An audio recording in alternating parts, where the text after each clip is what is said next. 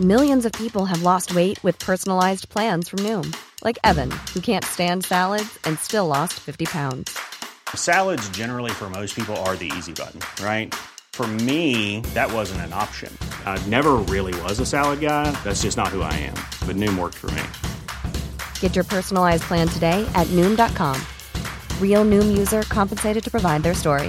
In four weeks, the typical Noom user can expect to lose one to two pounds per week. Individual results may vary. Hi, I'm Daniel, founder of Pretty Litter. Did you know cats tend to hide symptoms of sickness and pain? I learned this the hard way after losing my cat, Gingy. So I created Pretty Litter, a health monitoring litter that helps detect early signs of illness by changing colors, saving you money and potentially your cat's life. Pretty Litter is veterinarian developed, and it's the easiest way to keep tabs on your fur baby's health right at home. Go to prettylitter.com and use code ACAST for 20% off your first order and a free cat toy. Terms and conditions apply. See site for details. Gateflamme. Heit gateflamme. Spør min mamma om hun sa det samme. Jeg er en fucking ung heit gateflamme. Men du er fra Arendal? Født og oppvokst. Ja. Arendal-gubben. ja. Miami. Men det er fordi det er så forvirrende sånn med deg, Yango Ja. eh, Nasri er jo ikke fra Arendal, da, men eh, i- represent. Ja, men de der dialektene deres, det samme Karsten òg, Ja. at det er inn og ut av dialekter, og det er Ja. de sørlandsdialektene som du ikke hører med en gang. Mhm. Det er veldig forvirrende, og jeg tror liksom Jeg tror med mindre dere kjører liksom den derre rappestetikken med å rap your set, på en måte, mm. så veit man ikke det, da. Nei, det, det kan jeg si meg enig i. Sånn eh, Altså Django, for eksempel, snakker jo en østlandsdialekt. Det er Eh, ikke langt etter du heller, da. Nei, nei, nei, ikke det hele tatt. Hele tonefallet mitt og alt det der er jo på samme Eneste forskjellen min er R-en. Ja. Men jeg har ikke den derre som du finner i Erndal heller, liksom. Nei. Men bare at jeg, jeg klarer ikke fysisk å rulle på R-en. Det får, får de ordentlig til. Og, men det er veldig utvanna. Og Karsten igjen har jo også en annen dialekt enn meg og Django. Og, og det er jo liksom ikke en så veldig tydelig dialekt heller. Fordi det er samme tonefall som Eller når du ikke snakker den veldig breit, så er det i hvert fall samme tonefall som en østlandsdialekt. Jo, men det er jo egentlig bare østlandsk med at det er du og Du og meg og Ja. me too, liksom. Ja. Men jeg føler at det der du sa med inn og ut av dialekt, Ja. det er så klassisk for de dialektene der. Ja. Fordi at du, du kan fint snakke veldig rent og pent, men du har jo hørt den dialekten hele livet ditt. Så hvis jeg ville tatt hele det intervjuet her på arendalsdialekt, så er ikke det noe problem, liksom. Men eh, det blir ikke naturlig. Er det noe bevisst fra din side å holde på å si coat switch sånn, eller? Kanskje litt, fordi sånn Jeg merker jo når jeg kommer hjem og er med besteforeldrene mine, og pappa og mamma egentlig bare er i Arendal, og snakker med folk, så legger jeg jo veldig om med en gang. Ja. Og snakker kjempebreit. Og da har man jo på en måte nesten en helt annen karakter. Uh, og så eh, blir det jo ikke like naturlig for meg å gjøre det her. Nei. Og heller ikke når jeg lager musikk. Så Jeg skal ikke tøffe meg drit med, jeg gjør det samme. Og det er ikke Altså, jeg snakker jo egentlig mye Jeg snakker mye breiere Mm. vanligvis, og at det er Jeg sier telefon og banan og posa og Jeg har veldig den Mm. egentlig, men så har det på en måte Jeg har vokst litt av det. mm, Fordi for meg så representerer den måten å snakke på veldig sånn anti-storby. mm, At for meg så var det en veldig lang periode viktig å snakke breit fordi jeg tok avstand til sosser eller til Ja. storbyen. Ja. Og så på et eller annet tidspunkt så var det en sånn delt at Jævla harry det er, på en måte. mm, mm. Og det der at jeg flytta til Bærum når jeg var sånn rundt 20, okay. og de ikke skjønte hva jeg sa. Nei, ikke sant? Og så ble den fort sånn, vet du hva. Og det var, det var sånn dustete greie. Det var sånn Jeg jobba på Kiwi, Mhm. og de skjønte ikke når jeg sa lappen. Å, seriøst? Ja. Skal du ha lappen, liksom? Ja, så bare 'hva behager', mener de kvittering? Og så bare Ah. Og da la jeg om til en veldig sånn Da jeg ble sånn, vet du hva. Da skal du faen meg få korrekt av meg. Ja, ja. Vil de ha kvitteringen, liksom? Og så nå så henger det Nå bodde jeg ti år i Bærum, da, men Ja. jeg tror at veldig mange tror at jeg er derfra, eller at jeg har tilhørighet der fordi jeg snakker så pent. Ja, for jeg skulle til å spørre hvor er det du er fra, egentlig? Som... Nei, jeg er fra et sted som heter Slemmestad, Ja. i Buskerud. Ja. Eller nå er det blitt en del Asker, så det er jo det er en helt annen diskusjon. Det er, helt- ja. ja, det er jo bare helt sånn der, Det er som å flytte Stovner til Frogner, på en måte. jo. Klassereise, bare og, fra liksom siste dag i ett år til første dag i et annet år. Mhm. men, men det er bare Ja. Så det er bare Jeg var bare litt sånn spent på å høre din uh... Altså, jeg elsker Arendal av hele mitt hjerte, liksom. Og kommer nok til å bli gammel der. Um, men har aldri liksom og, og hele familien min snakker jo liksom ganske brei arendalsdialekt. Ja. Besteforeldre spesielt. Uh, men jeg er oppvokst med liksom kjempebrei arendalsdialekt. Men hva tenker de når de hører deg Altså, Lillesøstera mi igjen, da. Ja. Hun snakker østlandsdialekt. Ruller på r-en og er helt sånn Hun kunne vært fra Frogner, liksom. Ja. Og hun er jo like født og oppvokst i Arendal som det jeg er. Ja. Så, men jeg tror det på en måte bare har blitt greia i Arendal at folk på min alder og nedover snakker ikke så bred dialekt lenger. Nei. Det har blitt veldig Nei, det, det var det jeg følte litt når det crewet deres dukka opp. Mm. Så ble jeg så jævlig forvirra. Mm. At liksom når jeg hørte låter og hørte liksom klipp, og så bare Men de er fra Arendal? Ja. Nå skjønner jeg ikke. Alle sammen. Det bare tok meg litt sånn Jeg syns det var vanskelig. Ja, fordi hele crewet snakker egentlig ganske sånn Det er ingen som snakker brei arendalsdialekt. Den som snakker breiest arendaldialekt, arendalsdialekt, er kanskje Endre. Ja. Uh, men ikke så veldig brei, han heller. Nei. Og Johannes er jo Altså, han har en far fra Nittedal, da. Ja. Så han er jo veldig påvirka av det. Um, og han Bendik Men jeg var jo veldig spent på Var det liksom en klassisk sånn passe inn Flytte hit og passe inn, eller at man har en illusjon om at ja, men sørlandsrap har ikke funka, så det er bedre om vi bare emulerer og det, altså, det kunne vært en ting, men uh, vi har jo på en måte alltid snakka sånn som vi gjør. Ja. Og fra jeg begynte å rappe, så har det vært på den måten jeg rapper på nå. Ja. Så eh, nei, det har ikke noe med passien å gjøre. Det er på en måte bare Det er bare alltid sånn vi har prata. Men det er kanskje det at arendalsdialekta ikke står så veldig sterkt blant folk på vår alder ned. Men du ser jo også ute i distriktene så snakker folk kjempebredt igjen. Så det er kanskje bare en, en vi-ting. vet du faen det? Ja, nei, jeg vet ikke, jeg. heller. jeg, jeg jeg, det er lenge siden jeg har hengt i Arendal sånn relativt mye, så Pleier du ikke å komme til Arendal og henge? Hæ? Gå på kastell og Ja, fiskebrygga? og- eh, ja, men eh, selvfølgelig mye av HV, men også Jeg har jo hengt mye med Gino der nede og sånn, Ja, ja, ja. som bor der. Så vennepar av eh, faren min og stemor. Mm. De også, så jeg har jo vært på Hisøya hver sommer Å da jeg var yngre og sånn, så jeg har et tett forhold til Arendal, altså. Ok, Da er du ganske kjent, da. Ja, så, så sånn sett. Men um, en annen ting som jeg hadde Straight to the point, da. En Mm. ting som er med deg, Mm. er at du er så blid og hyggelig fyr, Ja. og ser så nice guy ut, Ja. at du bryter veldig med en sånn rap-stereotopi, Ja, ja. på en måte. Mm. Eh, har, det er ikke et spørsmål, men hva tenker du selv om det? Fordi det er jo noe jeg Jeg tror at jeg kanskje i møte med deg og din musikk har jeg, vet ikke, jeg vil ikke kalle det en fordom, Nei, nei. men jeg har liksom helt klart tenkt at det er en dissonanse mellom ditt vesen og hvordan du er, og sjangeren du har gått for. Ja, ja.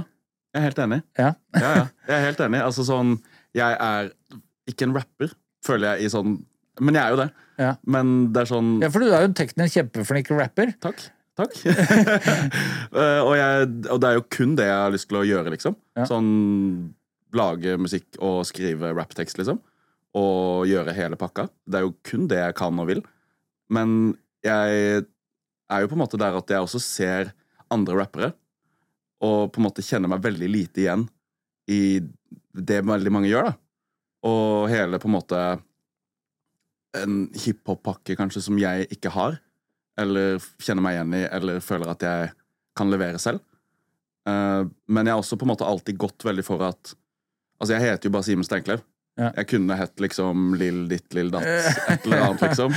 Og putta på maske, eller putta på noe klær jeg ikke har råd til, eller any, anything, liksom. Men det er bare alltid vært der at hvis jeg skal gjøre det her, så kan jeg liksom ikke være noe annet enn kun meg selv.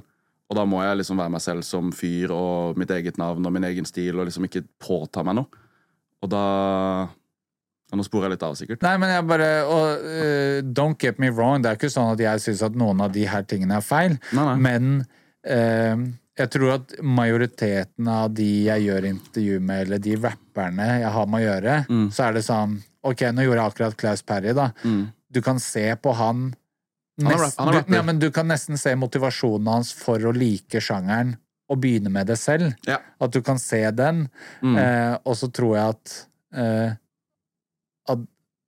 jeg har veldig lyst til å grave litt i din motivasjon Mm. for å begynne å rappe. Ja. Og det å prøve å passe inn i en sjanger som er veldig sånn boksa inn, da. Mm, mm. Eh, fordi akkurat nå så er det jo litt sånn Nå sier man at det er litt White Boy season, da, fordi nå er jo Undergrunn de største rapperne, og Mm. nå tror jeg Jeg tror det kommer til å være en wave av unge, blonde pretty boys som tenker at yes, Ja. det er plass til meg, på en Ja, måte. Sikkert. Men nå var ikke UG på listene sikkert når du begynte å rappe. Nei, og jeg har jo også rappa veldig lenge før eh, det ble pop, liksom. Ja, hva, var Altså- liksom, hva var din motivasjon til å begynne å rappe? Hva, liksom, ah, hva var attraktivt med rap for din del? Jeg har alltid hørt på sjangeren, og på en måte sikkert som Altså, vi to er uh, hvite menn som hører på ignorant uh, gangsterrap om å drepe folk og dope, liksom.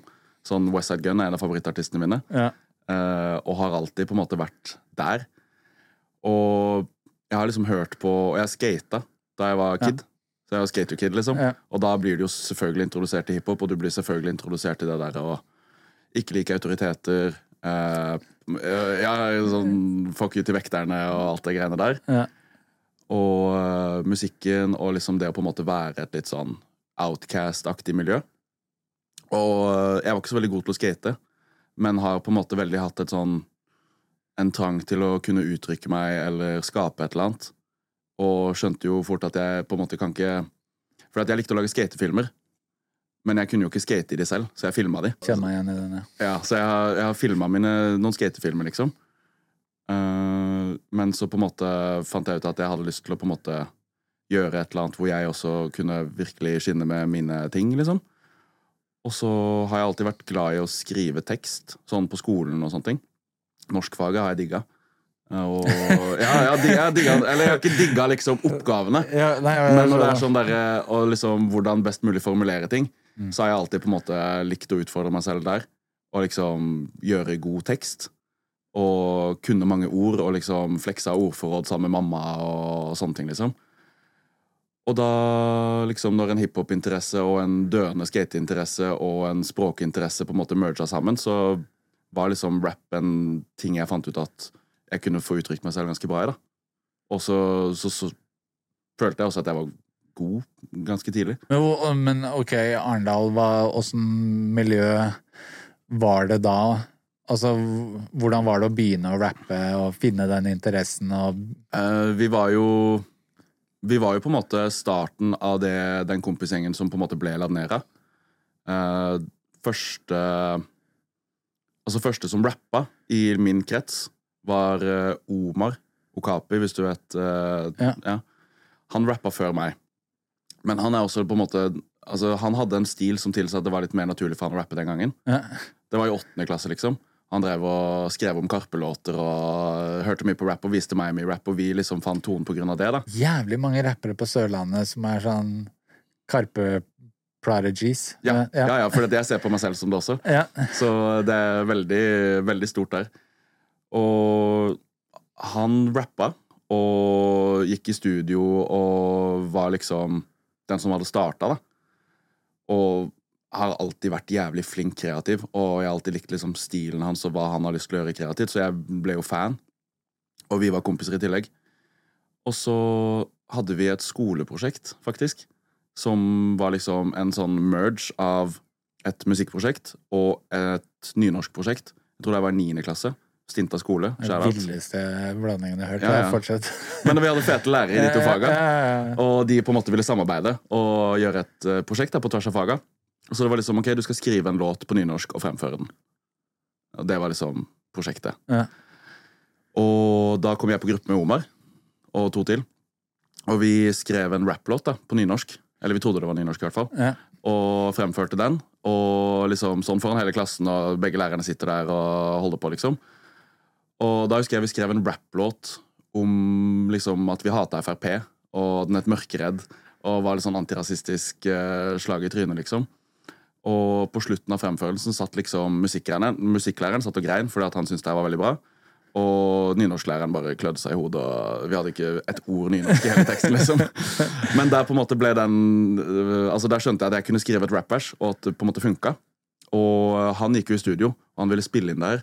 Og jeg kom ned og spilte det inn med han. Og da var på en måte Da begynte ballen å rulle derfra. da Ja. Om at nå er det gøy å gå i studio og gjøre, og da var det bare å skrive mer. mange av de spørsmålene jeg fikk inn når jeg spurte på Instagram om noen har spørsmål, spørsmål, så er jo veldig mange av spørsmålene sånn hvordan er det å vokse opp et sted eller være i en kommune hvor at kanskje kulturlivet eller lokalmiljøet nødvendigvis Det er ikke rap de drømmer om at uh, ungdom skal drive med, eller Det er ikke så mye rom for det, da.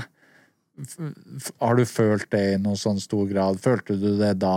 Har du følt på det i det hele tatt? Ja, altså Arendal er jo en rockeby, men jeg føler også Altså nå føler jeg at Arendal er jo på en måte mekka for meg, liksom. Ja. At der, eh, der er det så mye støtte, så mye rom for å gjøre de tinga jeg vil, og alle på en måte folk i kulturlivet der nede er veldig med på det.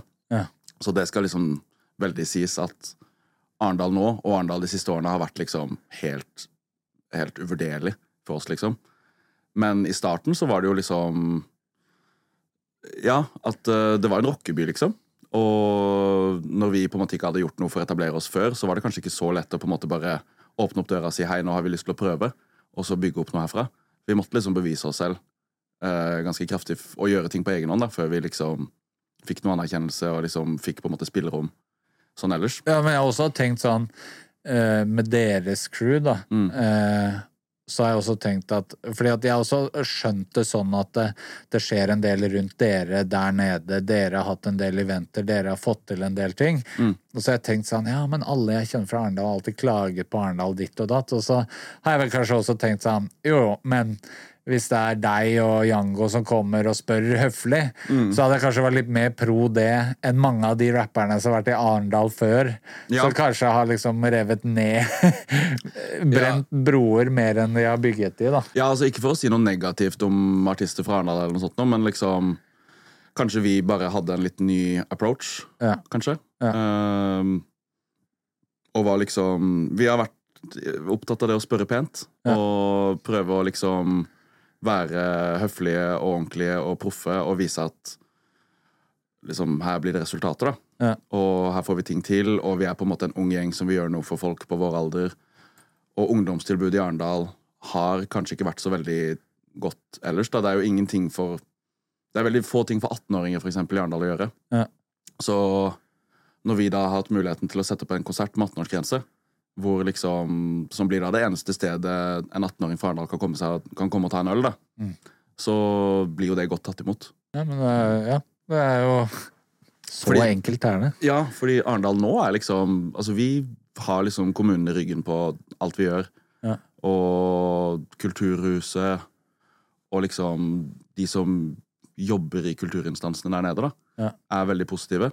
Og det er helt kult for oss. Og det for min del er det jo også veldig mye med på å betale regningene når det kommer spillejobber fra Arendal og, og sånne ting òg. Det er jo veldig sånn øh, Når rappere er sånn 'Å, jeg rapper hvor jeg er fra', og, Ja, ja. Ikke sant? Så folk er, og noen er sånn 'Åh, jævla rappsjangeren', det maser om postkoder og Mm. Det er kanskje og den ene tingen som jeg er veldig typisk rapper på.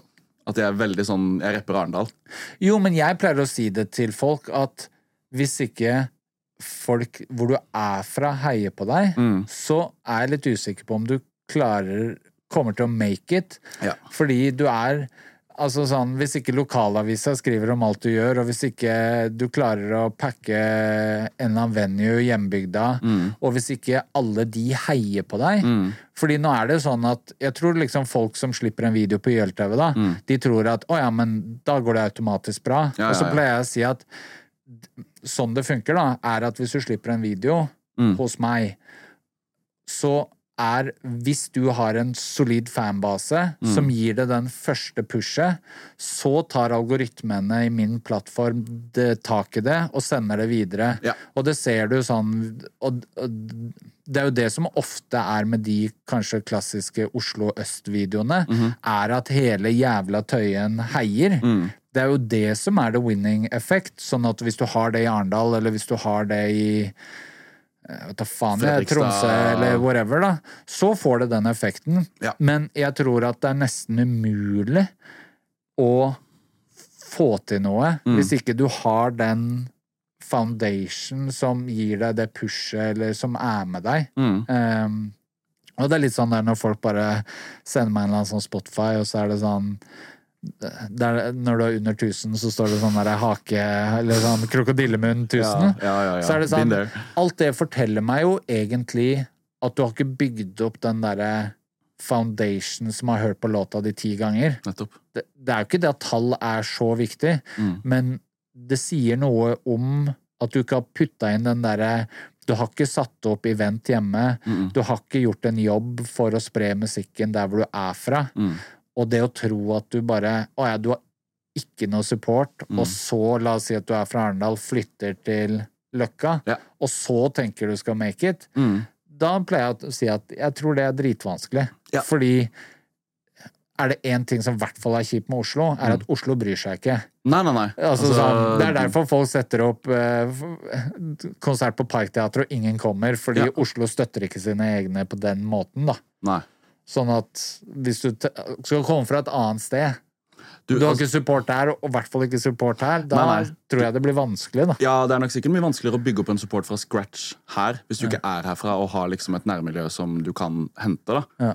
Sånn, Det er jo det som er på en måte ryggraden min. Ja. Det er jo Arendal. Og så tror jeg også det der med å engasjere altså, engasjere Ja. eh, lokalmiljøet. Mm. At liksom, det er Det samme å skyte for. musikkvideo. La oss si Mm. at du skal skyte musikkvideo. En i Oslo og en i Arendal. Ja. Skal du gjøre det i Oslo, så er det 'Å, kan jeg låne dette stedet?' Mm. Nei, det koster penger fordi TV2 betalte for det. For, altså, men hvis du gjør det i Arendal, så er det sånn Ja, det er jo kjempefett, og Nettopp. selvfølgelig stiller vi Så det er så mye lettere å få Ok, det kanskje ikke er et miljø for rap, men det er enklere å få støtte i lokalmiljøet Ja. hvis man er fra et sted og bygger community der, da. 100 Og det er jo det, det, er det jeg personlig syns har vært noe av det gøyeste også. Det der å bygge et community rundt noe man ikke har hatt i Arendal før. da. Mm. Fordi rap på den måten vi rapper på, og liksom hele det artistiske uttrykket, har jo ikke vært representert i Arendal før oss. Og jeg tror på en måte at folk i Arendal var veldig klare for det da vi kom. Ja. Så vi har jo kjent en enorm støtte fra starten av. Og flere og flere har hengt seg på. Folk kjøper merch, folk kommer på konserter, folk deler musikken og på en måte tar eierskap til det. Ja. Og det er jo min, det er jo min største drøm. Ja. Når flere og flere folk begynner å gjøre det. For sånn, jeg er veldig der at i og med at jeg på en måte er bare meg selv, og liksom ikke heter Lill ditt eller Lill datt eller rapper om ting som ikke angår meg, så er det også veldig gøy når på en måte Da føler jeg også en veldig tilhørighet til de som lytter på meg, når de har investert i meg, og jeg kan på en måte prøve å gjøre noe positivt tilbake for nærmiljøet.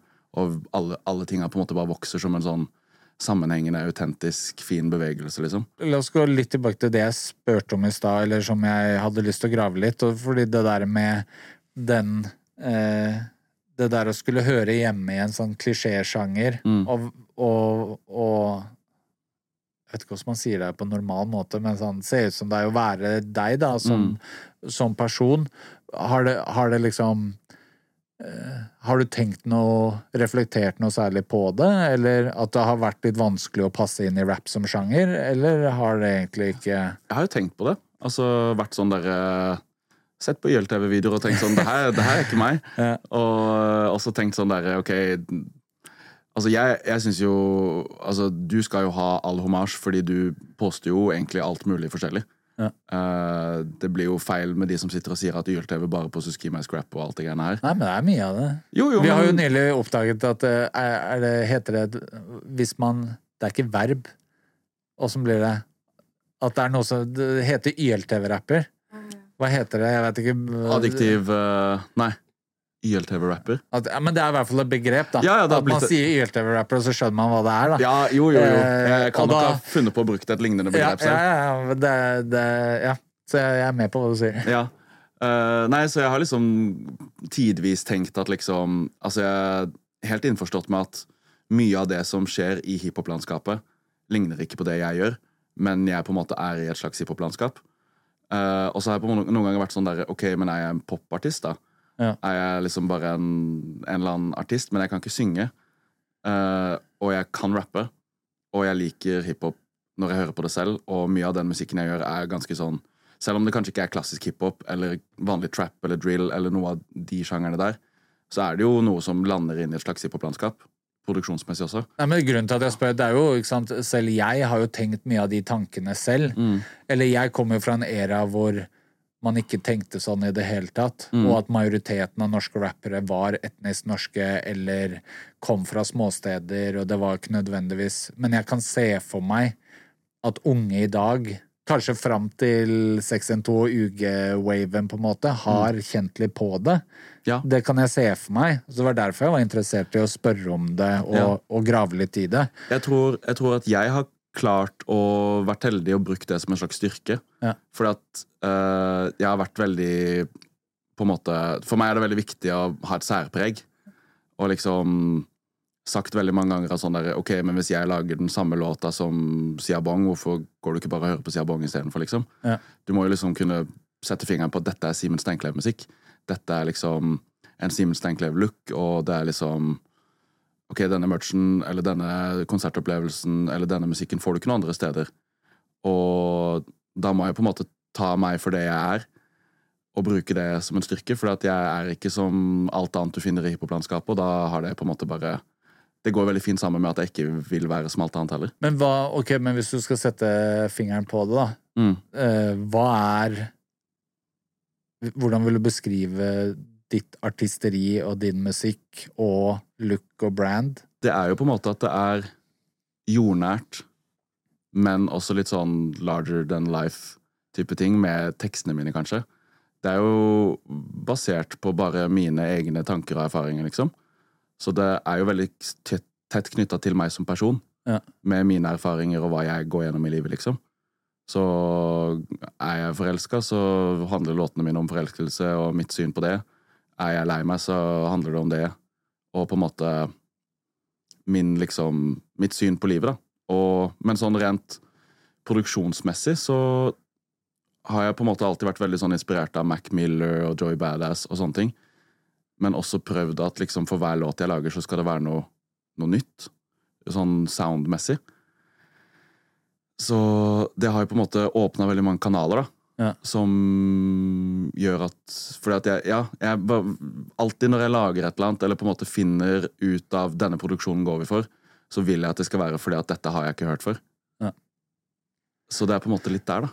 Men du er ikke redd for at da, hvis det er nytt hver gang, så er det vanskelig å Nei, for det er jo, ikke, det, det er jo, det er jo marginalt, da. Ja, okay. Det er jo liksom, det er ikke sånn at jeg lager en metal-låt, og så lager jeg lofi hiphop, og så Det er jo på en måte innafor et visst spekter, men eh, at, jeg på en måte, at jeg på en måte hitter en ny nerve som jeg ikke har hitta før, da. Men det er interessant det du sier sånn Ja, men eh, Det er jo ikke noe jeg har tenkt så mye på det der Eller det er jo obviously så veit jeg, jo at det har vært mye av én type rap, i hvert fall de siste årene, på YLTV som plattform. Mm. Men for meg så handler jo det mye om at eh, Efforten som legges inn i musikkvideoene jeg får tilsendt, Mm. og at veldig ofte når det er andre typer rap, Mm. så er det sånn Jeg ser at du Det er ikke noe penger og effort i denne videoen. Det er Nei. ikke noe arbeidsstykke, liksom. Nei. At det har gått på det. Og det er jo kanskje også grunnen til at vi nå på mange måter faser ut musikkvideoer på kanalen. Ja. Fordi det er enklere å lage den bredden hvis man gjør mer av dette Ja, enn å legge ut musikkvideoer. Ja. At det er enklere å se ja, diversity fordi Ok, la oss si at jeg hadde sagt nei til videoen din fordi den var hjemmemekka og ikke var noe fet, Mm. men hvis jeg liker deg som artist eller syns du har en spennende historie, så kan jeg invitere deg og gjøre et intervju. ja, ikke sant? Eh, så det er jo ja, Nå ble det en sånn forklarende Jo, men digresjon, det. men, men, men det er jo i hvert fall en sånn tanke jeg har gjort, fordi jeg har jo bare lagd en plattform, og Mm. ikke tenkt på at en eller annen person kan sitte et eller annet sted og ikke føle at de passer inn i sjangeren jeg dyrker, Mm. fordi at det er høyere produksjon av videoer Ja. her enn hvor de er fra. Eller at sånne type ting. Det er jo ikke noe jeg har reflektert så jævlig mye på. Nei. At liksom ja, Ja. den representasjonen kan påvirke Ja. unge rappere på noen som helst måte, da. Ja. Jeg personlig har kanskje tenkt litt ofte sånn at det jeg har tatt til meg da, av råd, hvis du skal kalle det det, fra folk i musikkbransjen, så er det liksom sånn Det å skille seg ut er alltid gull, liksom. Ja. Og da hvis jeg ser et sted hvor det er mye av det samme, Ja. og jeg ikke helt passer inn, så tenker jeg at ok, men hvis jeg er flink nok, så er jo det bare gull, for da kan jeg komme og være noe annet, Ja. men også bra. Ja, men det er jo, jeg tror bare Jeg også tenker jo sånn. Mm. Jeg også tenker jo at hvis jeg hadde Jeg tror det er rebellen i meg som tenker sånn Ja, Jo, er... men hvis det virker som det ikke er plass, det er jo et kjempepremiss Ja, ja, for å ta plass eller synes, Mm. eller Jeg hadde jo Jeg hadde kanskje heller tenkt at jeg hadde vært stressa hvis uh, gangsterrap med masker er det jeg ville lage. Nettopp. For da hadde jeg jo ikke sett noe marked i det. Da hadde jeg jo tenkt at faen, her drukner jeg jo bare. Ja, ja, Da er det jo Ja. Fordi det, er sånn, det, som kan, det som kan stresse meg, er hvis jeg hører på Altså Jeg vet jo hva den nye skiva mi høres ut som. Ja. Og hvis jeg hører at liksom, ok, de artistene jeg ser opp til, har droppa musikk som høres lik ut, Ja. da er det sånn, ok, da er jeg stressa, Fordi da er det liksom Ok, det er folk som gjør det samme som meg, og jeg liker de bedre. Sånn type ting. Ja. Men når jeg på en måte ser at det som florerer mest av, ligner ikke så mye på det jeg gjør, og jeg er fornøyd med kvaliteten på mitt eget, så tenker jeg bare at ok, dritbra at ikke jeg gjør det samme som alle andre, for da kan folk få noe eget når de kommer og hører på meg, liksom. Men Hvilke rappere er det du hører på? Jeg hører mye på Hvem stresser deg? Hvem stresser meg? Uh, jeg syns nye skiva til Jonas Benjob er jævlig bra. Ja. Uh, men så hører jeg jo på en måte også mye på amerikansk rap. Og da er det jo litt sånn at hvis Hvis de har gjort det på amerikansk, så er det ingen som har gjort det på norsk. Eh, men det er jo også veldig dumt å på en måte skulle bare tenke at norsk rap skal være en kopi av amerikansk rap. Nei, Så- men samtidig, det er jo veldig ofte de som blir kalt innovative i Norge, er noen som bøffer noe fra USA først. ja, ja, ja. Og så blir neste som bøffer det samme, blir kalt kopi Nettopp. av den første som bøffa det i Norge. En bøffekonkurranse. Ja, men det er litt sånn der, jeg tror Eller jeg har jo sett det skje mange ganger. Det var litt det samme når A-laget kjørte sin greie. Ja. Så alle som hoppa på Sørstatsbeats etter de, ble kalt A-laget-kopi. Mm. Det var det samme med Arif. Mm. Han gjorde sin eh, Jeg vil ikke kalle det sånn ja, Inspirert av franske Boba eller Future. Ja. Og alle som gjorde det etter han, ble en Arif-kopi. Ja. Det er det samme med Dutty. At Ja, ja. alle som hoppa på den waven etter Dutty, er Dutty-kopi. Mm. Alle sånn som prøver er. Playboy Cardi nå, er liksom kopi av det, ja. Ja. Word. Jo, så det er litt sånn derre Så man er Hvis du er første som stjeler, så er du nyskapende og innovativ. Mm. Ja. Og hvis du er nummer to, tre, fire, så er du plutselig kopi av den. Jeg har kanskje prøvd å stjele Mac Miller. Det er, det, det er det jeg tenkte jeg skulle bøffe da jeg begynte. Ja. At liksom, fordi det var det som inspirerte meg mest. Både tekstuniverset og sounden, uttrykket. Og han er jo også bare seg selv. Ja. Og er liksom bare en dude. Og det er liksom meg, jeg også. På en måte Og så har jeg alltid bare syntes at det å være søt og sjarmerende er mye kulere enn å være tøff og hard.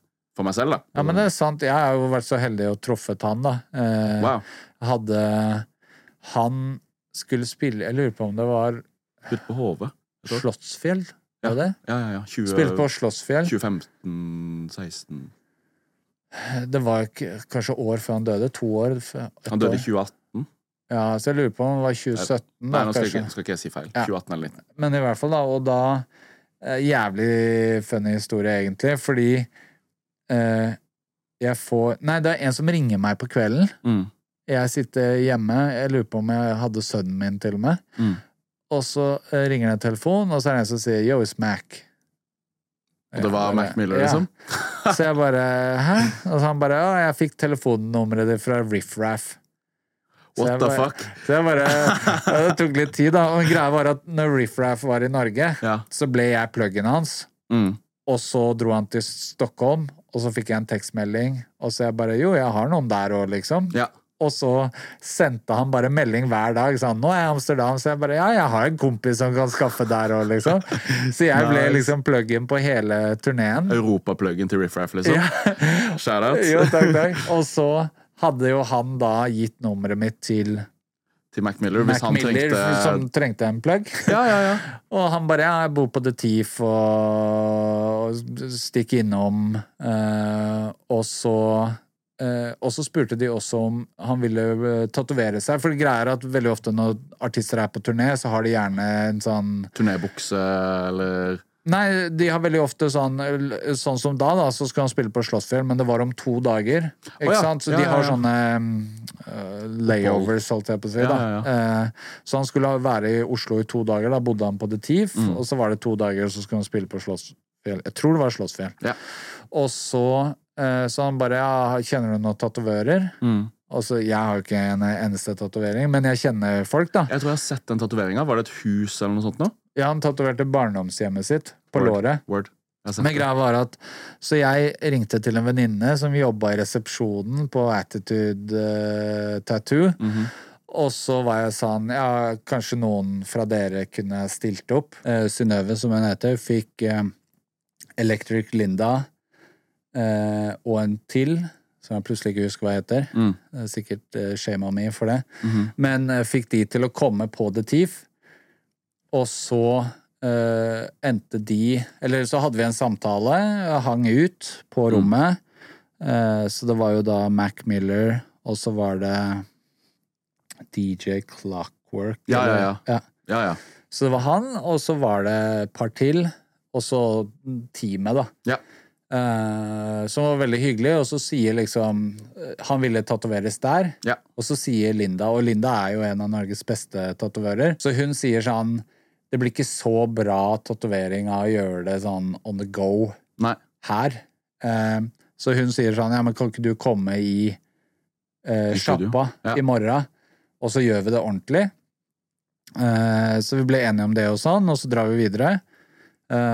Og så ender jeg opp med å dra og spille golf dagen etter med Mac Miller og gjengen. Var det Ja, han hadde en sånn golfperiode rundt det der Ja. Faces, uh, The Faces mixtape og sånne ting, ja. Ja, så vi var oppe på Kjekstad golfklubb, og så dro vi da i Attitude Studio, uh, hvor han da tatoverte barndomshjemmet sitt på låret. Mhm. og, og da var han jo sammen med hun uh, Ariana Grande. Ja. Så han drev og facetima med henne og snakka med henne og sånn, da. Og så var det, var det veldig hyggelig. Så, det var jo egentlig pappahelgen min. Ja. Eh, sånn at eh, jeg og sønnen min skulle på kino. Mm. Eh, så på et eller annet tidspunkt så var jeg sånn ok, jeg må stikke. Jeg skal på kino med sønnen min. Ja. Eh, og det er viktig for meg at ikke det jobben min, uansett hvor kult det er, skal komme liksom i veien for det, da. 100% Og da sier liksom Max um, Ja, men faen, øh, skal vi ikke filme et eller annet i YLTV, eller sånn, skal vi ikke gjøre noe sammen? Ja, ja, ja. Og så sier jeg sånn øh, Nei, men det går bra, vi tar det bare neste gang du kommer. ja. Uh, og det ble jo obviously ikke noe av, i og med at han gikk bort, da. Mm. Uh, og da er det mange som har liksom spurt meg sånn Jeg syns jo ikke det var Altså, angrer jeg Om jeg angrer på at jeg sa det går bra? ja. Men jeg gjør ikke det, Du kan fordi aldri angre på å prioritere kiden din fremfor Nei, det, men liksom. mer det der at Ok, men jeg har et supergodt minne med Nettopp. Mac Miller, Ja. og det føler jeg også går igjen når jeg hører sånn eh, AK Mike eller Olav Stubberud, eller når de snakker om når de har truffet store, det der med å ha fokus på å bare være en OK person, Nettopp. og bygge en naturlig relasjon, Ja, ja. og heller spørre om noe tilbake senere, da. Ja, ja, ja. Så liksom det jeg tenkte der og da, at ok, men det her er jo perfekte introdu... Altså, hadde han kommet tilbake, Mm. så hadde det jo vært veldig naturlig å gjøre noe, fordi det der ble introduksjonen Nettopp. oss to imellom. Ja, ja. At liksom riff-raff bygg, bygg relasjonen først, liksom. Ja, ja, ja. 100 Og det, det er jo mye av det musikkbransje egentlig på alle nivåer handler om. ja, eller her, jeg føler jo at folk flest er jo sånn, de vil ha noe med en gang. ja, ja. At det er ikke så fokus på å ha en god relasjon. Det er mer sånn hva kan du gjøre for meg, hvordan kan jeg bruke det? Mm. Altså, så er jo en ganske kjip bransje, egentlig. For det er jo Ja, Du har samla masse egoer som alle tenker på seg selv Ja. på samme sted. ja, ja. ja. Du kan jo liksom- merke det når du går inn i et rom hvor alle har en intensjon om at de skal få noe. Mm. Det gjør jo noe med Det gjør noe med hele stemninga. Ja. Det Ja. Hele det der er jo veldig Men det, ja, det er liksom sånn. Ja. Men eh, jeg har i hvert fall også bare prøvd å tenke sånn, for min egen del, da. Ha tålmodighet Ja. på liksom hva man skal få ut av alt mulig. Fordi liksom sånn Jeg håper liksom ikke at det intervjuet her har kommet for tidlig, og liksom at jeg Ja. har jo ikke prøvd å mase meg inn hit, Nei. og, eller om egentlig noen ting, prøver jeg. Jeg, jeg prøver liksom ikke å For jeg, jeg har liksom hørt Jeg har hørt noen episoder av det her og liksom om at det er veldig mange unge rappere som kommer opp i dag og er sånn der eh, Går rett til favorittrapperen sin og spør om et vers. ikke sant? Ja. Og det er sånn Det Det funker veldig dårlig. Hvis du Ja, og så er jo sannheten her. vet du hvor gammel er du? 22. Ja, ikke sant? Du er, dri- det er jo Du er kjempeung, liksom. Du har null dårlig tid. Og det, jeg tror det, det handler jo sikkert om det klimaet vi er i i dag, da, Mm. at folk har sånn dritdårlig tid. Men det er jo sånn Ja, du refererer til Jonas Benjob, som er 27 Ja, ja. og har altså, så så vidt begynt liksom, på sin greie. Og hvis du ser de, de som er på sitt største, er jo på min alder, liksom. At det er uh, toucher på 40, på en måte. Ja, ja. Sånn at Ja. Å tro at du skal ha knekt koden i en alder av 22, det er jo Ja. Jeg misunner jo ikke det eh, presset som folk føler, da. Nei, for det er jo veldig synlig når noen er liksom millionærer innen de er 25, liksom. Ja. det er jo kjempesynlig.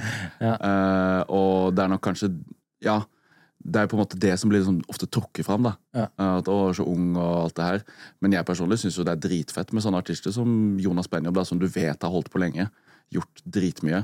Og først nå, når han er så klar man kan bli, liksom, så kommer liksom alt som det skal. Ja. Og eh, jeg vil tro at han heller har ikke mast seg til noen ting, og han vet Nei, at men han har nok kjørt huet sitt mye over de tingene, han også. Det, eller det, man det gjør, man, si, det man gjør det. han Altså, gjort. ja, ja. Altså, jeg også på min korte tid eh, går jo også og tenker sånn Nå, nå kommer det forhåpentligvis til å skje, nå kommer det forhåpentligvis til å skje. Ja. Men så kan man liksom ikke force noe heller, fordi det som er meninga skal skje, skjer. Ja. Uansett, liksom. Så jeg tror på en måte Du kjenner jo Aram. Ja.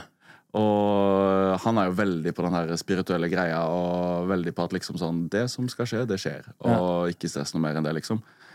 Og jeg og forloveden min også er på en måte veldig på den greia at liksom ting flyter. Og putter man ut god energi og liksom bygger gode relasjoner og bare er genuin av seg selv i alt man gjør, så vil de tinga det er ment at skal falle i fanget ditt, falle der. Det er, det er ikke det letteste å praktisere, da. Jeg kan ta meg nei. selv nå og tenke sånn ah, Hvorfor gjør eh, de intervju med den istedenfor meg, eller Ikke sant? Jeg kan jo kjøre Ja, ja, ja. huet mitt over akkurat de samme tingene, på en måte, så det er Mm. jo veldig menneskelig, da. Men eh, Det er jo en egoting, og liksom ego er jo sinnssykt vanskelig å svelge, liksom. ja, egodøden er eh, Det er utfordrende, for å si det sånn. Den er veldig utfordrende. Jeg hadde en ego death nå på lørdag. Ok. Ja, fordi jeg og kompisen min Frank var på et sted i Grimstad som heter Loftet, og var DJs. Og da hadde vi lagt opp et ganske fett DJ-sett med låter vi likte. da Mye sånn gammel 50 Cent og blanda med litt Central Sea, og hadde litt Tøyenholding inn der. og liksom Vi syntes det var et veldig fett rap-DJ-sett, da og tenkte at nå skal vi komme på et sted som ikke har hørt noe oss Eller hatt den typen musikk så mye før, og så skal vi gi dem et fett rap-DJ-sett. Men det vi blir møtt av liksom sånn en halvtime inn i Sett på noe Britney, ja. Sett på Country Road. Sett på Country Road og Dancing Queen, liksom. Ja. Og vi prøvde jo å unngå det så lenge som mulig. Men uh, det var ikke snakk om. Nei. Så jeg måtte rett og slett svelge egoet mitt og skjønne at jeg er ikke her for å please meg selv og min egen musikksmak. Jeg er her for at de folka skal ha det gøy, og da måtte jeg sette på country Det er jo grunnen til at jeg slutta å DJ. Ja. Akkurat det der. Fordi ja, jeg klarer ikke det. Altså, Nei. det går ikke. Nei, det nei, bare stanger mot meg. Og det er jo det samme bygge en kanal som bare Hvor jeg gjør alt det jeg føler for, Mm, fordi det er mitt, liksom. Og så er det en bonus som folk mm. sjekker det ut, da. Jeg er helt enig. Og sånn på mitt eget artisteri, jeg kunne jo aldri lagd en låt an noen andre ba meg om å lage. Nei. Og jeg har egentlig alltid vært han karen når jeg har AUX-en, så spiller jeg noe nisjerap og sier fuck you, liksom. Ja. Så det var en eh, Det var en uh, lærende opplevelse. Men det er jo det samme sånn Men det er jo også en blessing, da, med å ha spilt shows Altså at dere er hvor dere er fra, og spilt shows der. Ja. Fordi det er jo eh, Eller jeg veit at det er mye hardere å liksom være fra Oslo, og du er i den bobla med alt som er kult her, og alt som er mm. hype her, Mm. og så skal du spille ditt første show annet sted i Norge, og så Mm. får du bare 'Dette er Norge', reality-checken i ansiktet. 100%. Og bare oh shit, det som er på P3, eller det som skrives uh, på Sytrav, eller er hot på YLTV, eller whatever, det har, ikke, det har ingenting å si når du kommer ut på Bygde-Norge. Det har ikke kommet dit ennå. Altså, vi, vi uh, spilte Altså, vi hadde Jeg følte at vi hadde en jævlig kul overgang mellom en Bruno Mars-låt over til altså Doja av Central Sea. Ja. Det var helt stille når vi spilte Doja. Og jeg tenkte sånn der, det her er så pop, og nå kommer alle til å klikke og rappe hele teksten, liksom. Stille. Ja. Det er liksom, det har ikke kommet dit eh, Eller i hvert fall de som gikk på det stedet, var ikke, var ikke keen på å høre det. På en eller annen måte syns jeg det er veldig funny at dere også tenkte at det kom til å funke. Jeg tenkte, altså, jeg, jeg tenkte jo Det var den tanken at liksom sånn, det her er det ikke plass Altså, meg og min musikksmak er det ikke plass til på dette stedet. Ja. Så ok, shit, det er noe nytt. Jeg prøver å hoppe inn og få de til å embrace at dette er annerledes. Men uh, det var Nei, det gjorde ikke det. Du vant jo nylig Emergenza. Emergenza. Jeg har sånn ambivalent forhold til den konkurransen. Jeg, jeg, må, jeg må bare si jeg personlig ante ikke hva det var før jeg sto midt i det heller. Nei, fordi det er jo litt sånn Grunnen til at, og det må jeg også si til deg, grunnen til at jeg ikke har delt at Simen har vunnet denne konkurransen, er fordi jeg har litt issues med den konkurransen, fordi det handler om å få masse flinke folk til å selge billetter for en arrangør som tar alle pengene. Og det er jo på en måte en form for uh, hva heter det Pyramidespill. Pyramidespill, Ja. på en måte. Ja, men så, det- så jeg har hatt litt problemer med konkurransen, men det er jo emergensa som fenomen, og det der å komme videre fra Norge og vinne verdensfinalen, eller hva man skal kalle det, Mm. det er jo én norsk gruppe som har gjort det før deg, Mm. og det er Nico Vince. Yes.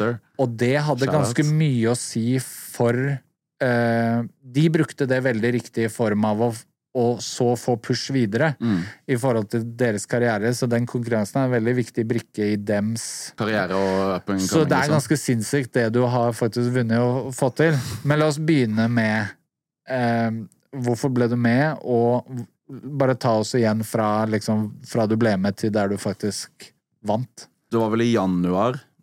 Ja, i januar. Så satt jeg liksom bare hjemme, og så scrolla jeg tilfeldigvis gjennom Facebook, som jeg aldri bruker. Uh, fordi det gjør man jo ikke nå, med mindre man er 65 pluss. Nei. Og bare fikk om en sånn annonse hvor det sto liksom 'Har du lyst til å spille på Rockefeller?' Uten at jeg tenkte noe mer over hvem som hadde lagt den ut, hvor, hvordan jeg fikk det her opp, eller noen ting. Og så var det bare sånn 'Skriv, meld deg på her', liksom. Så tenkte jeg ja, hvis faen jeg har lyst til å spille på Rockefeller. Det er dritkult å komme fra Arendal og bodde et år i Oslo og så stå på Rockefeller, liksom. Det hadde vært en milepæl. Bare å stå på scenen, da. Og så jeg bare skrev inn at jeg het Simen Steinklev og drev med hiphop og var keen på å spille, liksom. Uten at jeg tenkte over at det var Emergenza eller noen ting. Jeg trodde det het Emergencia Ja. helt til jeg sto på Rockefeller. Uh, og, og så tenkte jeg ikke noe mer over det. Og så reiste jeg opp til min kjære i Trondheim og skulle ha bursdag der oppe.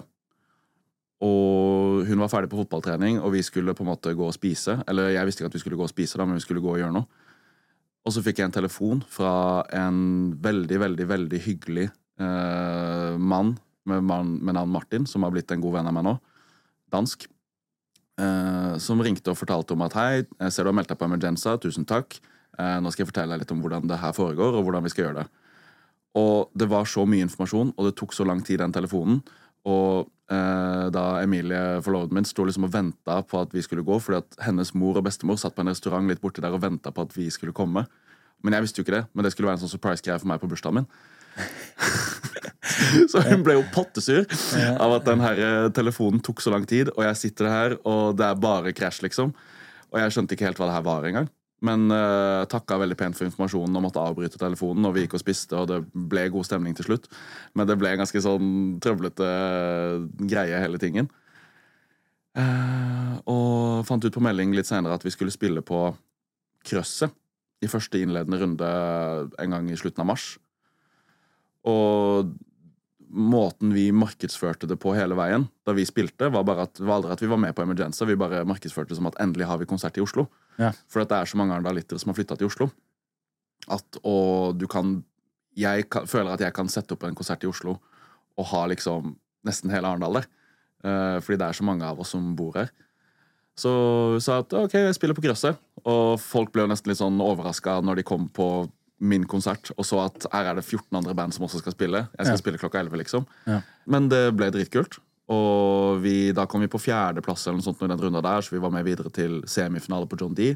Spilte den, markedsførte på akkurat samme måte. Kom Endelig skal du spille i Oslo igjen. Endelig skal jeg spille i Oslo igjen, Ja. Uh, i april. en måned senere. Fordi at uh, den på Krøsset ble utsolgt. Ja. Så da var det sånn, ok, det her var supersuksess. Og du har satt opp ny konsert? Yes, på større scene. Og, og bare liksom tenkte at ok, nå skal vi spille her. Og gjorde jo liksom typ det samme settet der også. Og det kom masse folk, det var fullt og dritgøy og bra konsert, liksom. Og så kom vi på tror jeg vi kom på andreplass der, sånn at vi da var videre til finalen. Og da begynte vi jo på en måte å anerkjenne litt mer at vi var med på Emergenza. da. Ja. At nå har vi faktisk kommet til finalen. Uh, kom og støtte oss der, liksom.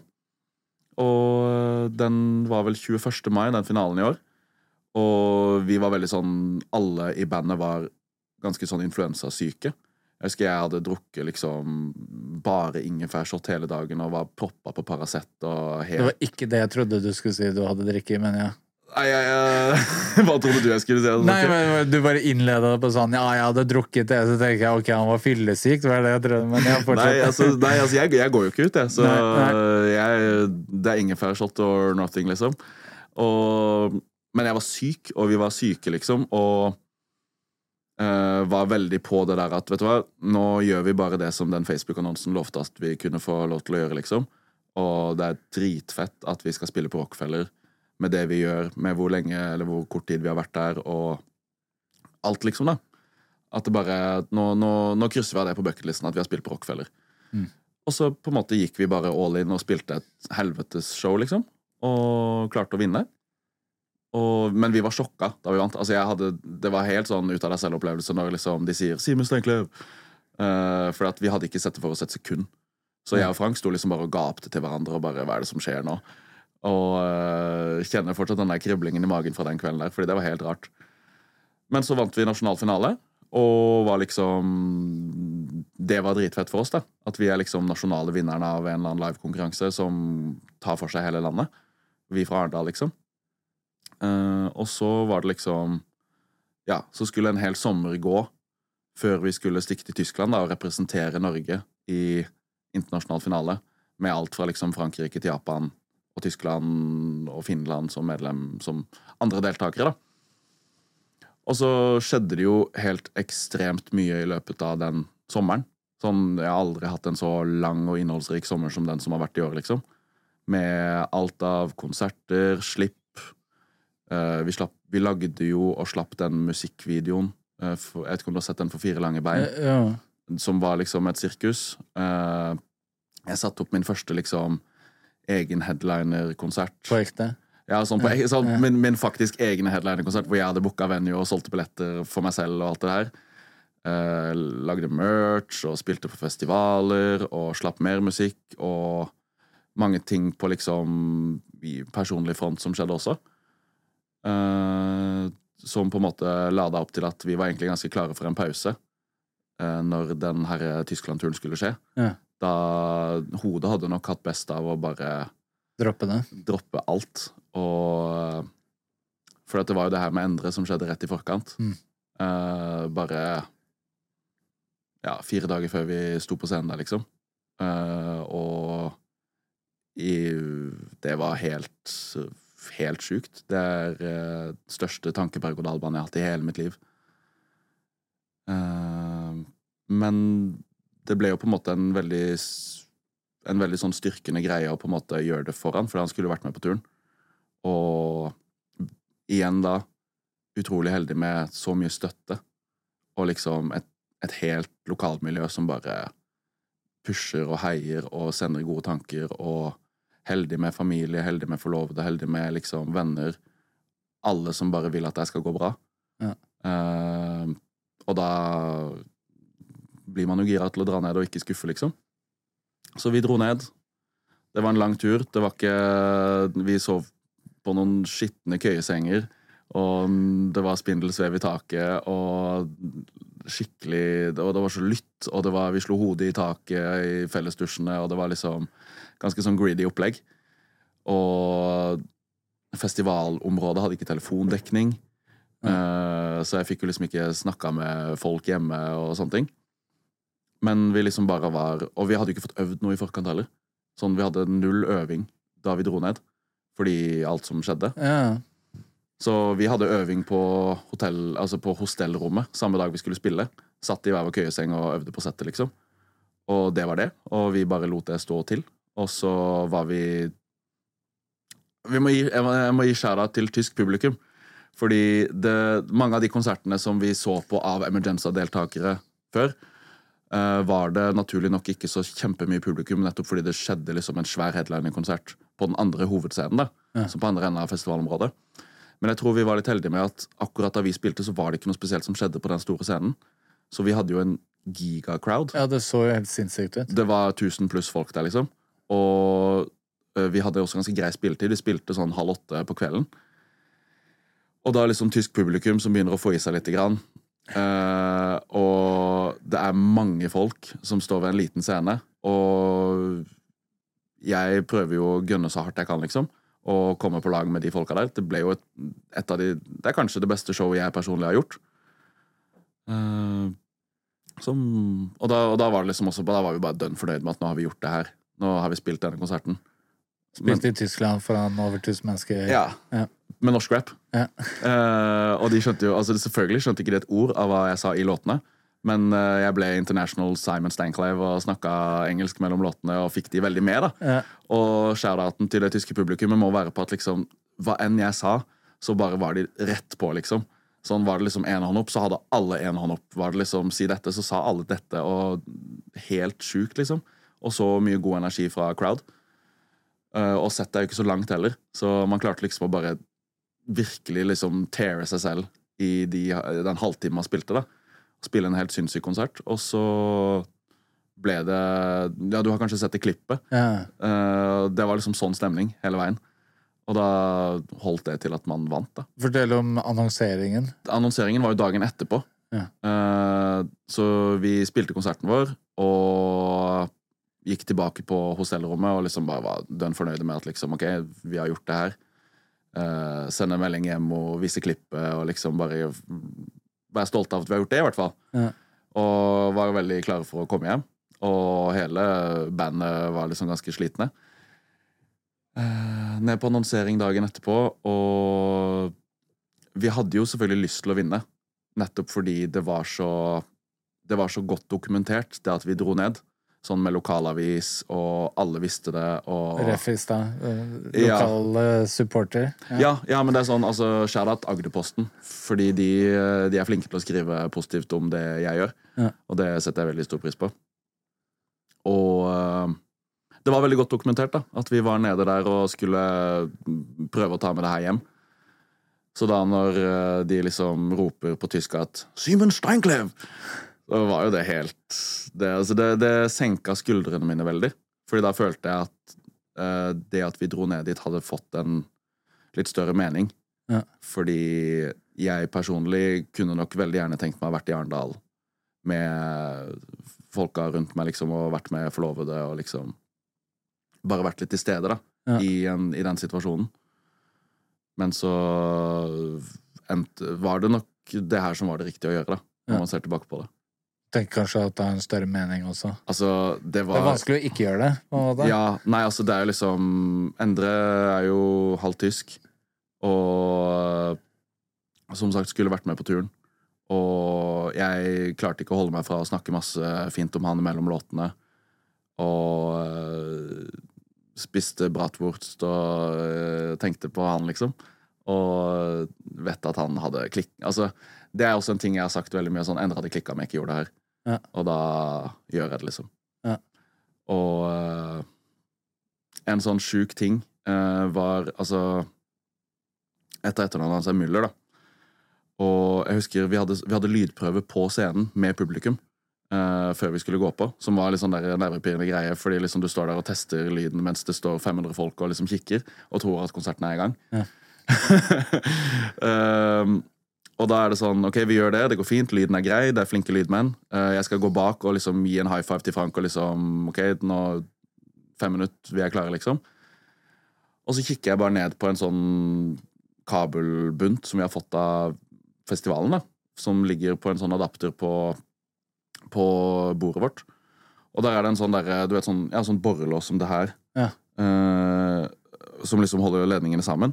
Og på liksom Nå, nå veiver jeg i mikken. Ja. Men på liksom merket her, da, så kikker jeg ned. Altså Det er sånn helt tilfeldig at øynene mine faller ned der etter jeg snakka med Frank. Og, bare, det, og det er det siste jeg skal gjøre før vi går på, liksom. Så står det Müller Music. Da tenker jeg bare ok, da endrer jeg, og da får vi bare kline til, liksom. Ja, det er så mektig, fordi jeg også Det er jo Mitt forhold til Endre, da, er jo sånn Det er jo veldig positiv møter og veldig sånn positiv fyr og, og en sånn eh, veldig god kraft, liksom. Mm. Og jeg kjente det veldig når jeg liksom fikk både nyheten om at han var savna og at han hadde gått bort og sånn. Det er jo ikke sånn at jeg kjente han så godt eller hatt så mye kontakt. Nei. Men det et eller annet ved hans vesen som gjorde at jeg ja, du syns jo det var selvfølgelig var kjipt, men at, at det traff meg litt, da. Mm. Um, og jeg har tenkt mye på, for han minner meg om Jeg har, jeg har mistet en endre i vår rappkrets back in the days, da, okay. som var en del av den banken med liksom bankmenn og Arif og, og hele den gjengen da, som het André Barstad. Ja. Og han også var, han, André hadde jo ikke noen sånn offisiell rolle, bortsett fra å være vår største hypeman, og liksom uansett hva vi sa vi skulle, så var det liksom ja, ja, men det her går veien, og det her det blir viktig, bra, og sånn. Uh, og det er jo um, eh, Arif refererer jo til han sånn ah, 'Sorry for at jeg ikke var der når du han, Det er jo flere låter hvor, hvor det er Barstad han refererer til, da. Ja, det har jeg hørt, faktisk. Og bare minte meg veldig mye om det Endre-greiene. At jeg liksom så den samme personen. Uh, og jeg har liksom André Blant annet da jeg mista dessverre mista mange, men André var veldig spesielt fordi man mista liksom en ja, den derre number one support som liksom Alle trenger noen som alltid er Mm. på laget ditt Mm. når du skal gjøre ting, Mm. som kanskje andre sier at ah, det burde du ikke gjøre, eller det tror jeg ikke kommer til å funke, eller Mm. så trenger man noen som bare vet du hva, nå gønner vi på, det her blir bra, og fy faen hvis du mener det. Um, så jeg har veldig Og han også han, Det er, altså, han- det er jo Endre. Ja, og han døde jo også liksom før jeg starta YLTV, men jeg hadde liksom diskutert konseptet som i dag er YLTV, med André, da. Ja. Og liksom Han bare Ja, men det- kjør på med det, og sånn. Mm. Så, så Nå husker jeg ikke helt hva, men det er noe av det ti... Vi har, vi har sånn eh, T-skjorte-merch som vi trykka opp med ansiktet hans på, da. Ja.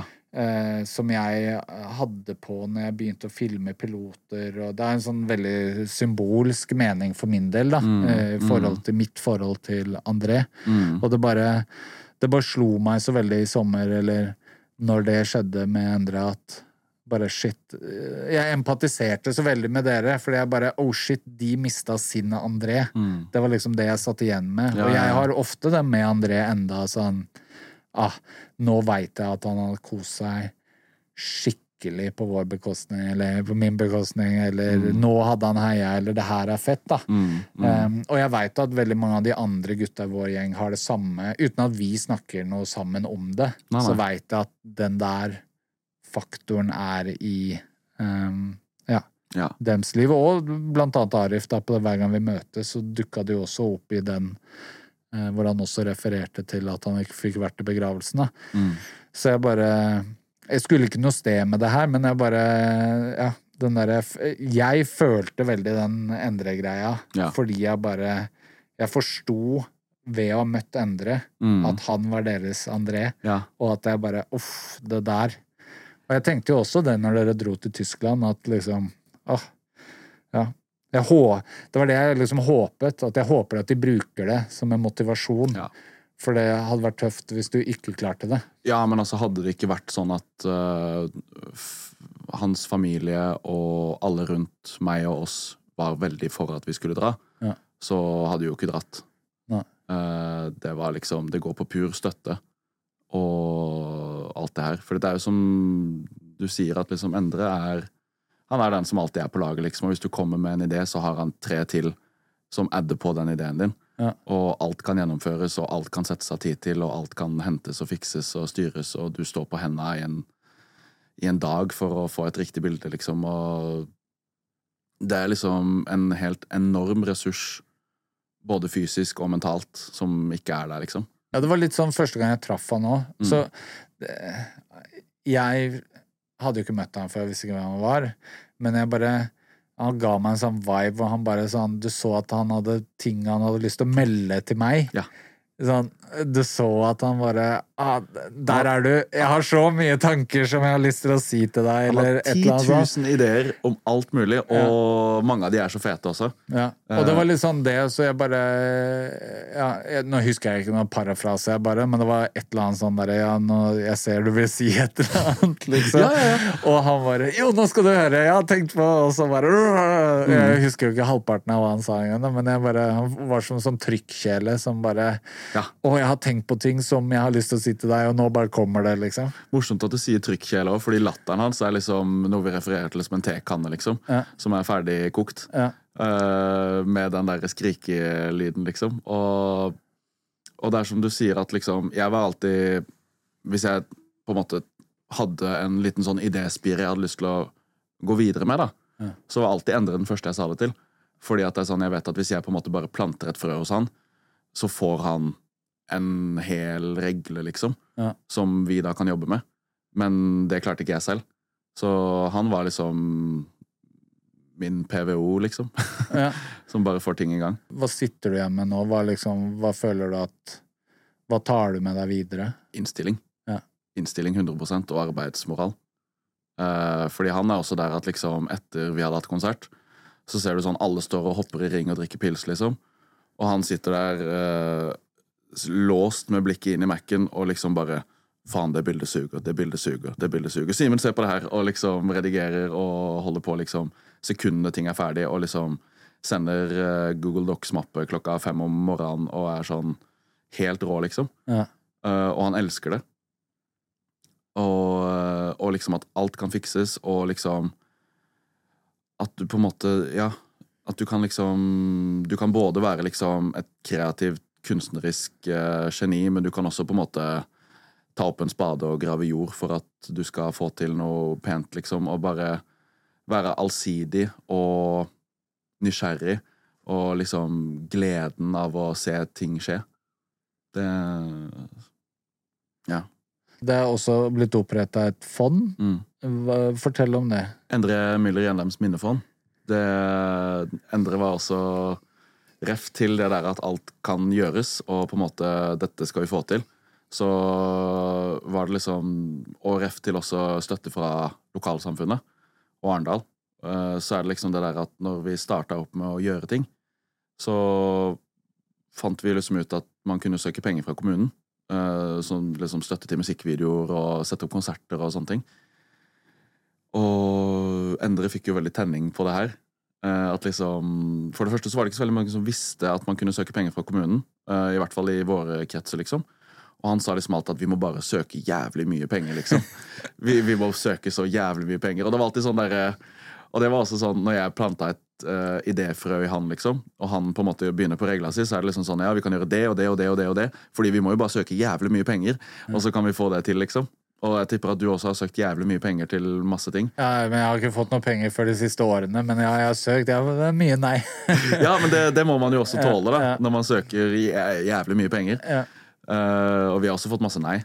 Men, uh, og, men det vi på en måte også har vært litt på, er at uh, de støtteordningene som vi har tatt eh, i bruk, eh, har vi tatt i bruk ofte fordi vi har vært heldige med å kanskje ha foreldre eller folk vi kjenner til som kan lære oss da, å skrive gode søknader, lære oss hvordan eh, hvordan finne frem til pengene.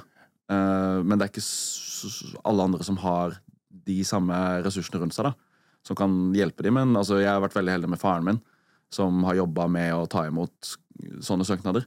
Som har hjulpet oss masse med liksom å sette sammen en god søknad, hva burde vi legge vekt på, eh, finansiering, alt det her, da. Men det er ikke alle som har det. Nei. Og da ville vi på en måte Og ref at liksom endre Det har vært så kult Altså Han har alltid syntes det har vært så kult å se eh, lokalkulturen i Arendal blomstre. At liksom, ok, Hvis noen setter opp en kunstutstilling, eller hvis noen har lyst til å gjøre et eller annet med tomt lokale, eller sette opp en konsert, eller lage en nisjefilm av et eller annet slag, så er det dritfett.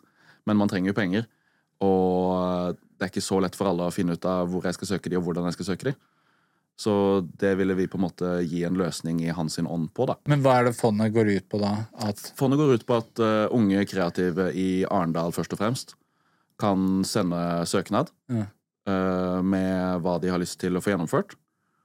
Og ja, altså på litt samme måte som man gjør når man søker fra kommuner og sånne ting også, så liksom så legges det jo vekt på liksom finansiering og gjennomføringspotensial og behov for det og alt sånn her. Men at på en måte det er litt lavere terskel for å søke til oss, da. Ja. Um, Burde du nesten ha hatt sånn søknadskurs også? Ja, det har vært dritkult. Ja. Fordi vi, vi Altså, det vi også har tenkt med fondet, da, er at det skal være like mye faglig hjelp som eh, økonomisk hjelp. Ja. At hvis det er noen som har lyst til å gå i studio og gjøre noe, for eksempel, så kan jeg komme der og hjelpe dem med det. Ja. Hvis det er noen som har lyst til å lage en kortfilm, så kan Johannes komme der og hjelpe dem med det. Eh, noen har lyst til å lære å produsere, så kan Frank komme og hjelpe dem med det. Og vi kan også gi hjelp i søknad og alt det her, da. Rett og slett bare det skal være en, en tilgjengelig ressurs for å få unge kreative i Arendal til å ville satse. Fett. Vi trenger mange sånne fond. Ja. Og vi trenger eh, mange endrer. Ja. 100 det, det er så viktig. Altså, han Ingenting av det jeg eller vi gjør, hadde vært i nærheten av der der, hadde det ikke vært for han, liksom. Nei. Vi hadde jo så mye fetere pressebilder før vi hadde fete låter og all Ja, det liksom. husker jeg. Det, jeg må innrømme det at jeg tenkte det, jeg også. Ja. At først, mitt første med møte med dere som artister var sånn Helvete, det ser bra ut. Og så Mm. jeg play, og så Ja, det kommer til å bli bra, eller mm, Mix- det var min reaksjon. var ikke helt der ennå, Ja. men pressebildet var Ja. dritfett, liksom. Jeg skal ikke lyve, jeg tenkte akkurat det. Ja, men det er sånn når jeg, når jeg ser tilbake på tidligere prosjekter, da, så er det sånn Å, se de pressebildene vi hadde, da. Åssen vi rulla ut den musikken her, liksom. Og så trykker du play, og så er det sånn OK, den miksen her, eh, den er jeg glad vi har uppa, liksom. Ja. Ja. Og eh, også resten av Altså hele, hele låtene, liksom. Det, det er der stega har gått, fordi det visuelle, det visuelle så så bra ut fra start, følte jeg. Hvordan var det liksom å skulle takle hele den situasjonen når det ble så mediadekt som det ble? Ja, altså Fordi først så ble det jo, ikke sant, han var etterlyst, og det havna i media og sånn, og så fant man ut at uh, han hadde Jeg vet ikke hva- uttrykket er, det, det føles så hardt ut å si dødd, men eh, Gått bort. Gått bort. Ja. Eh, og at det kom i media og sånn, og så Det ble jo liksom ganske trygt, da. Veldig. Uh, og sånn Jeg kan jo i aller størst grad bare snakke for meg selv, liksom. Men for meg var det veldig surrealistisk. Uh, sånn at liksom jeg har nok brukt veldig mye tid på å i det hele tatt skjønne bæret av noe som helst i situasjonen. Mm. Uh, fordi jeg var jo ikke med Jeg var jo ikke i Arendal kvelden det skjedde. Eh, jeg var i Trondheim på en måte da hele, hele savna-prosessen og alt var, da. Um, og kom ned til Arendal først liksom eh, dagen etter nyheten var kjent. Og ja. Liksom det der å bare Altså, det er jo helt nydelig, selvfølgelig, å se et folkehav eh, og en svær minnesmarkering og blomster og lys og liksom mye kjærlighet, da. Men eh, altså, det har jo på en måte lagt et sånn Det blir jo veldig ekte samtidig som det er veldig surrealistisk. Ja. For at du får det veldig midt i trynet på alle fronter, og alle vet det, så alle sender melding. Og alle skal høre hvordan det går, og som også er veldig fint. Ja. Men det blir jo et ekstremt trykk uh, i den heteste perioden. Som jeg bare kan se for meg liksom sånn for nærmeste familie og sånne ting òg. Altså, det trykket de har stått i, er bare sånn utenomjordisk. Ja. Um, så det, det er jo på en måte veldig mye kjærlighet, men også veldig mye sånn Jeg fikk jo helt angst av Instagram-DM-lista mi, liksom. På alt jeg ikke får svart på, og sånne ting. Um, så Men i bunn og grunn er det jo kjærlighet, da. Ja. Så det Ja. Det åpner liksom opp for at veldig mange kan vise kjærligheten sin. Så det er jo det man må ta med seg, da. Ja. Men når man står oppe så er det ganske sånn pressure. Ja, jeg tenkte på det. Jeg, delte på en måte, eller skrev noe, men at ja, det der å slide i DM og Det er vanskelig. Jeg syns det er vanskelig offline. Mm. Når noen går bort og liksom Hva er etikette og eh, Vi hadde jo litt sånn eh, Ja, Nasri var her på kontoret, vi snakket litt om det. Jeg syns det er så vanskelig sånn med etikette når noen har gått bort, fordi folk sørger på så for utrolig forskjellige måter. Ja. Og så kan folk bli litt sånn sørgepoliti. At, at det, Nei, da, nå det du gjør nå er ikke innafor, eller ja. ah, du må være sånn når du er lei deg. Ja. Og folk dealer med følelser på så utrolig forskjellige måter. Ja. Så det derre å tråkke feil, men samtidig Du må jo liksom sørge på din måte og 100%. sånn. Og det der, jeg Det er syns, viktig. jeg syns det er så utrolig vanskelig. Jeg har jo kanskje landet på at man må bare sørge på sin måte, også hvis noen blir offended av det, eller noen tar det ille opp, så det er synd, men det er, that's on them, Ja, liksom. 100% det, Og det er også noe jeg, man har blitt mer bevisst på det her. Liksom, at sånn, folk sørger forskjellig, og ok, kanskje noen vil ta seg nær av en sørgmetode, men det Altså, man, kan, man, man må jo selvfølgelig være så respektfull man bare kan overfor alt og alle, Ja. men noen sørgeprosess skal man ikke kødde med, liksom. Jeg har jo tråkka gærent, eller folk har følt at jeg har tråkket gærent i andre situasjoner, og jeg har jo på en måte levd et liv og hatt en vennekrets som har gjort at jeg har mista ganske mange på veien. Og det derre Ja. Det er så fæl følelse, det der, uh, gå gjennom sin prosess, og så skal noen på en måte Ja. Det minner meg litt om når du er barn, og du går på skole, for eksempel, og at du føler at du har rett, og så kommer en voksen og sier at du tar feil, men du vet du har rett. Mm. At det, er, det minner meg om den prosessen. Ja. At, men hva mener du? Du kan ikke si at Ja, ja. jeg tar feil. Eller sånn. Det er ikke Hvordan er mine følelser feil? Hvordan er mitt kjærlighetsspråk feil? Og hvordan er liksom min måte å være lei meg på feil? Ja. Det er så fjernt, føler jeg. Leave it at that. Litt tilbake til musikk også. Mm. Ja, ja, ja, ja, ja. Nei, men det var øh, det, Ja. Jeg øh, visste jo ikke om du var villig til å snakke om det, men, men, men det er, jeg tror det er bare sånn det, Ja. Det er fint å hedre han og liksom snakke om de tingene her. Det er liksom det er ikke noe som faller seg naturlig overalt, men øh, Nei, jeg følte det formatet her passa, Ja. Passa liksom. Sånn hadde, vi, hadde det vært Radio Energy Nei. Nei. Nei, men øh, takk for at du deler og kondolerer, ikke minst. Takk. Det er jo ja. Hva er det du jobber med nå, liksom? Hva er planen fremover? Nå Det skal er vi veldig klisjéspørsmål, men Ja, ja, jeg er oppriktig interessert i det. Takk. Takk. Nei, vi har jo sluppet litt eh, singler i sommer. Og sluppet den siste singelen nå 2. september, 'Hilsen vi som skulle bli noe'. Som eh, vi er veldig fornøyd med hvordan kom ut.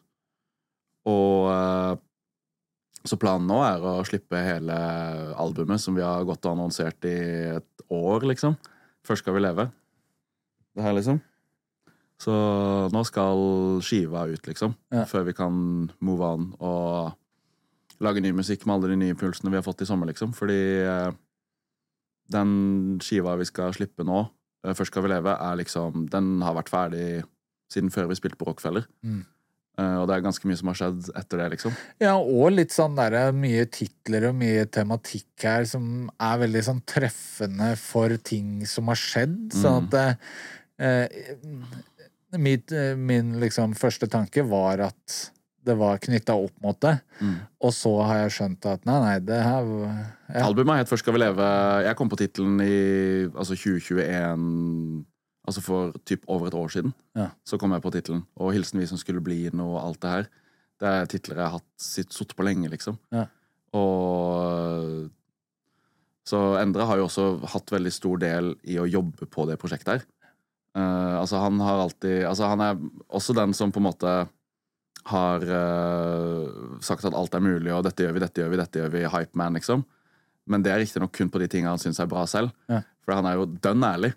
Jeg har vist han masse musikk. Jo, nei, men det er også mitt minne. Altså, Mm. Når jeg sier den trykkjelen av ting å dele, det var ikke sånn at han bare alt du gjør er fett. Nei, nei, nei. nei, nei, nei, det er eh, ikke, ikke, Jeg ville ikke der. egentlig kanskje nesten si det motsatte, men ja. Ja, fordi han er jo veldig sånn eh, Hvis det er, hvis det er én ting av noe som eh, ikke stemmer, hos han, så er liksom, får man høre det, og det, det er bra.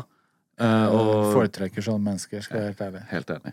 Og jeg har liksom kommet hjem Siden han var jo mye hjemme hos oss, og med Johannes, roomien min, og kom hjem fra studio mange ganger, viste han en skisse. Det var ikke så fett.